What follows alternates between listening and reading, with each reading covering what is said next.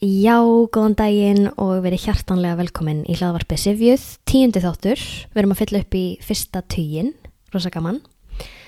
Eh, ég gæt náttúrulega ekki ekki bútið þáttum COVID, auðvitað eru þau komin með nóg af fréttum og staðrindum um koronaviruna en það var það einfallega ekki hjá því komist að kynna sér uppruna orða tengtum veirunni. Þetta eru orð sem eru náttúrulega á allra vörum og maður getur ekki annað en spekulerað aðeins í og ég held í lögum alveg á ymsu áhugaverðu fyrir þannig þátt, vonandi ykkur sem það hefði ekki heyrt áður. Uh, ég fyrir um viðan völl, ég ætla að byrja á því að tala um sjálfa veiruna og sjúkdóminn sem hún veldur, síðan beini ég sjónum að ástandinu í samfélaginu, ég fjalla aðeins um uh, nýrðagleði okkar Íslendinga, svo fer ég orðtengt faraldri, ég fjalla um orðið sóttkví og sumuleiðis quarantine. Og að lókum veldi ég fyrir mér hvaða bólu ætla sér átt við með orðinu bólusetning eða bóluefni og sumu leiðis fer ég orðið vaccination. Við skulum hefja leik. Veiran er kallið koronaveira, hún til er koronaveiru fjölskyldunni og þetta er að sjálfsögðu vísun í lögun hennar. Hún er krynd, það eru litlir gattar eða núðar sem standa út úr veiruhimnunni og þetta þykir minna á koronu Orðið korona má reykja aftur til latínu en þaðan er það komið úr grísku að ford gríska orðinu korone sem gaf þýtt ansi margt. Þetta var meðal annars heiti á því sem var almennt bara byggt eða bóið. Orðið er hægt að reykja allarleið aftur til indo-evrópsku sakrótarinnar sker eða ker sem þýtti eitthvað eins og að snúa eða að beigja. En já, sérst koronavirjan hrein og klár vísun í það hvernig hún er í læginu og ég fór að velta fyrir mér hvort þetta væri eitthvað sem ég gæti fundið annar staðar, hvort þetta væri einhver hefð að örverur, veirur eða bakteríur eða aðrar örverur dræju napsitt af eigin lögun og ímis kunnuleg orð komu upp úr krafsinu. Ég valdi tvö til að segja ykkur frá í dag. Tökum fyrst fyrir orðið bakterja. Bakterja má reykja aftur til fortgríska orðsins bakterjón í merkingunni lítill stafur. Þannig grunninn vísa bakterjur í litla stafi, þetta er sérst vísun í lögun að þeir séu staflaga. Í dag er svo komið í ljós að bakterjur eru ekki allar staflega, þar geta líka verið kúlulaga eða gormulaga, en þær fyrstu sem uppgötuðust voru í læginu eins og stafir og þannig má segja að orðið varðveiti þá staðrind. Annað dæmi um fyrirbæri sem drefum nátt sitt af lögun sinni pensilín. Síklarleifi pensilín er kent við sagt, eh, bakteríudreipandi miklusveppin Pensilium notatum og hann fekk heitið Pensilium þar sem frumur hans eru pensillaga. Það er í læginu um, eins og penslar eða málara bustar. Þannig að bakterja og pensilín vísa til form síns en auðvitað ekki á jafn gagsæjanhátt og kórnuveran gerir. En við hveðjum urverurnar og lítum á skamstöfunina COVID-19. Sjálf veiran er kallið kórnuveran en sjúkdómurinn sem hún veldur hefur fengið heitið COVID-19 og við skulum greina þessa skamstöfunni sundur, lið fyrir lið. Kó stendur fyrir kórona V stendur fyrir vírus, D stendur fyrir disease og ég fór að ganni að velta fyrir mér orðlutum í orðinu disease og þá var mér alltaf inn í ljós hvernig orðið er hugsað, svo augljóst þegar maður fattar það. Disease er komið inn í ennsku í gegnum frönsku, samsett úr dis, neikvægt forskeiti, í merkingunni ekki eða skortur á og ís sem við þekkjum í, í merkingunni þægindi eða velíðan with ease. Þannig að það má hugsa það þannig að þegar þú ert haldinn sjúkdómi á ennsku diseased þá ertu án þæginda, þú ert án velíðanar, þú ert órólegur. Yes, þannig að það er djeð og talan 19 í COVID-19 vísar einfallega til upphafs farsóttarinnar í Wuhan í Kína í desember árið 2019, Coronavirus Disease 2019 og þá er það ástandið, við ætlum að ræða ástandið í samfélaginu sem hefur fengið þið flotta heiti COVID í íslensku. Við þekkjum snjókóf, reykjarkóf, svitakóf og hér er, orð, hér er þetta orðið COVID-kófið. Mörg hérna ansi flott nýjirði líka sem ég get nefnt sem hafa orðið til undanfarið ár. COVID, það er sjálfskeipaður sérfræðingur í sótvörnum. Fólk finnur fyrir sótt kvíða eða þá smitt skömm er líka hefur sérst. Svo kom ég líka auða á þráð á Facebook síðu Eiríks Rökkvaldssonar málfræðings þar sem hann kallar eftir tillögum að nýjirðum yfir það sem á ennsku kallast social distancing. Svona oftast held ég að orðið samskiptafjarlægð sé notað en, um, en marga skemmtilega tillögur komu fram á þessum Facebook þræði eins og til dæmis mannhelgi, fjárstaða, líðrými og millibils ástand gaman að þessu. Og kannski hægt að bæta því við hérna að við höfum náttúrulega lungum reykt okkur á því við Íslandingar að vera flott á því í nýraðsmiðinni, flottaust en með grunar samt einhvern veginn að það sé ekki bara reykni ég bjóð í Svíþjóð síðasta ár var í skiptin á mig þegar COVID skall á og ég get allavega ekki sagt að ég hafi lært neyn ný sænsk orð tengt faraldrunum þó ég hafi verið ansi áhugasum. Vissulega voru orðtekinn inn í sænskuna og löguð að sænskumálkerfi en hvað nýjir þið varðar varði ég allavega ekki verið við hennan sama sköpunarkraft og ég þekki hérna frá Íslandi. En já, við ætlum sem sagt að ræða ástandið. Staðin er svo að við lefum á tímum heimsfaraldurs. Sótt kví er orðin hverstagsleg aðtöfn og við stöndum í rauð til að fá bólusetningu. Við ætlum semst að taka fyrir orð tengt faraldri, líta á orðið sóttkví og sumuleiðis orðið quarantine í því samengi og svo að lókum ætlum að ræða bólusetninguna.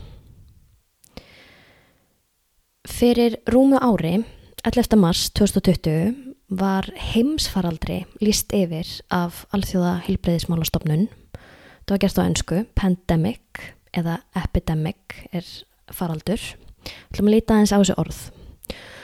Orðin eiga sér latneskar og grískar fyrirmyndir, pandemos og epidemos eru orðin í forn grísku og hafa orðið alþjóðleg í þeim skilningi að þau eru fyrirmynd orða yfir farsótti í mörgum, mörgum tungum.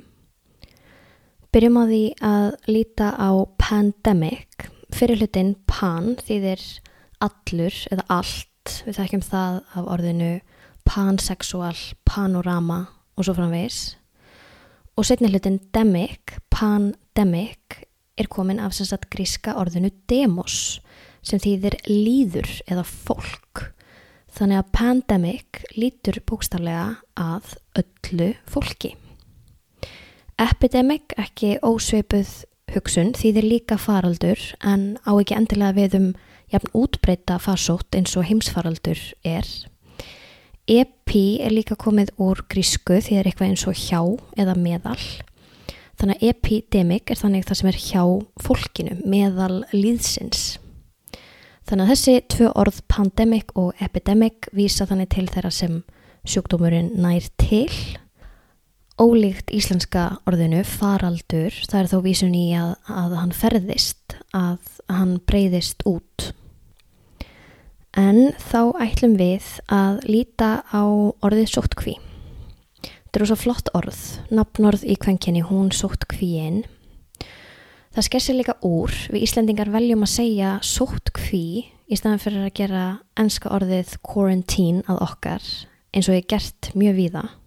Til dæmis alveg næst okkur í sænsku, dönsku, norsku, finsku. Nákvæmlega hvenar orðið sóttkví skaut upp kollinum veit ég ekki en Ég fann ekki eldra dæmi um það en frá 1902 á tímaritt.is og ég fann ekkert dæmi um það í reitmálsafni orðabókar háskólans en ég fann dæmi um sögnina að sótt kvíja og elsta dæmi um hana er bara frá 1900 þannig að ég hef, ég hef ekki ástæði til að halda því fram að þetta sé neitt sérstaklega gamalt orð. En sótt kví er samsett úr sótt í merkingunni veiki og hví sem ég hef nú talað um áður. Fjallaði um þetta orði í sveita þættunum, talaði um hví í orðatiltækinu að færa út hvíarnar í merkingunni að stækka við sig eða að auka umsvip sín. Kví var sér satt fjárjætt þar sem sögkindur sem voru kallaðar kvíaær voru mjólkaðar. Sumar þessara kvíja, þessara fjárjætta, þær voru stækkanlegar, það var hægt að bæta við þær grindum og rýma þannig til fyrir ánum. Og það er mitt þaðan sem við fáum semst þetta orðasamband að færa út kvíarnar sem öðlaðist yfirfærða merkingu. Og svo þekkiði kannski líka þjóðsöguna Móðir mín í kvíkví og samnæmt lag. Það er líka vísað í, í kvíja réttina. En úr því að merka rétt er orðið kví farað að eiga við um þröngt innilugt svæði almennt. Fiskar eru til dæmis settir í fiskikví eða eldiskví sem er þá svona afmarkað svæði fyrir fiskaldi og sótt kví þannig bókstallega þetta innilugta afmarkaða svæði tiltekinar sóttar. Á nokkrum fermetrum fær veikin að geisa. Lítum þá á enska orðið quarantine sem er eins og ég segi svona alþjóðlega orðið í þeim skilningi að það er lagað að mörgum tungum og notað í þeim. Quarantine á að vera komið af ítölsku orðunum quaranta giorni í merkingunni 40 dagar. Quaranta er upprunalega komið af latneska töluorðinu quadraginta eh, sem þýðir 40. Og orðasambandið quaranta giorni var til vegna stefnu í Fenegjum á setni hluta 14. aldar. Þetta var stefna sem að fólkst í því að halda þeim skipum sem komu frá löndum þar sem faraldur hafi brotist út að halda þessum skipum við bryggju í 40 daga til að full tryggja að, að faraldurinn bærist ekki áfram, herjaði ekki á nýtt land. Þannig að orðið vísa sem sé í tíma byl sótt hverjanar sjálfurar en svo er það um 1670 sem er farið að nota orðið yfir skilduböldna einangrun í óákveðin tíma eins og við þekkjum í dag. Þetta orð var líka þekkt áður í annari merkingu í ennsku. Árið 1520 átti orðið quarantine við um þá 40 daga sem ekki var heimilt að dvelja í húsi látins eiginmanns, óháð erðarétti. Og ennþá fyrr á 15. öld vísaði orðið í sögu í biblíunni þegar Jésús fastaði í eðimörkunni í 40 daga á meðan djöfullin freistaði hans Jésú freistað heitir svo saga. Þannig að þetta orði hefur um, tekið, tekið merkingabreitingum. En þá er komið að síðasta orðinu hjá okkur í dag. Við erum bólusett.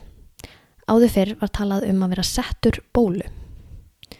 Hvaða bóla er þetta og hvað kemur þessi bóla COVID við í dag? Ég kynni til leiks aðra veiki annan heimsfaraldur sem er talin hafa fyllt mannkenninu í ár þúsundir með gríðarlegum afleggingum ofbáslega mannskæður faraldur sem var kallaður bólusótt. Frægasti faraldur sóttarinnar hér á landi var, var kallaður Stóra bóla og hún fór um Ísland á árunum 1707 til 1709 og var stórum hluta Íslandinga að bana. Það er talað um að fjórðungur jafnvel þriðjungur landsmanna hafi dáið. En nú sitt ég hérna og ég handfella bók frá 1884 eftir Jónas Jónasen lækni sem ber nafnið Lækningabók handa alþýðu á Íslandi. Þetta er sérst reitt um hérna ímsökvilla hugsað fyrir almenning. Hér skrifar Jónas um bólusóttina og lýsingin á Einkennum þessara sóttar er all svakaleg. Hann lýsir því hvernig veikin kemur sér fyrir í líkamasjúklings á tveimu veikum. Fyrstu einkennin eru bakverkur, höfuðþingsli, hækkaður púls, hita og kuldaköst og svo fyrir að bera á útbrótum. Þetta eru rauðleitt útbrót, hvað þjættust í andleiti og verða með tímanum að graftrar bólum eða kýlum og það getur leytið þess að sjúklingur afmyndist í framann en það er ekki bara útlitið sem lítur skada vegna þess að bólurnar koma sér líka fyrir innvortis innan í munni og koki geta gert það þannig að sjúkling, sjúklingur getur ekki borðað og, og verður hás. Þær geta myndast í barka og vélinda sem í vestafalli verður til þess að í þær hleypur bjúur og þetta getur valdið köpnun, hættir við hirnarleysi ef eirun síkjast og blindu ef augun síkjast og svo lýsir hann yldulikt sem blossar upp þegar bólurna springa og ég veit ekki hvað, hvað þetta er. Ansi, ansi ítarlegur og myndrætt útráttur hjá Jónasi. Og eftir þessar svakalegu lýsingar þá fer Jónas að tala um hvernig eh, gripið hefur verið til fyrirbyggjandi aðgerða í tímans rás til að ná tökum á bólusótt. Það á sér langa sögum og reykja aftur í austurlenska fornöld þó það sé lengi á leðinni til vesturheims en hinn eiginlega bólusetning fælst í því að efnið sem veldur sóttunni, eitur efnið sem er í graftrarbólunni, er komið fyrir undir húð heilbriðsmanns til að lámarka skadan. Mönnum er sett bóla vís vitandi.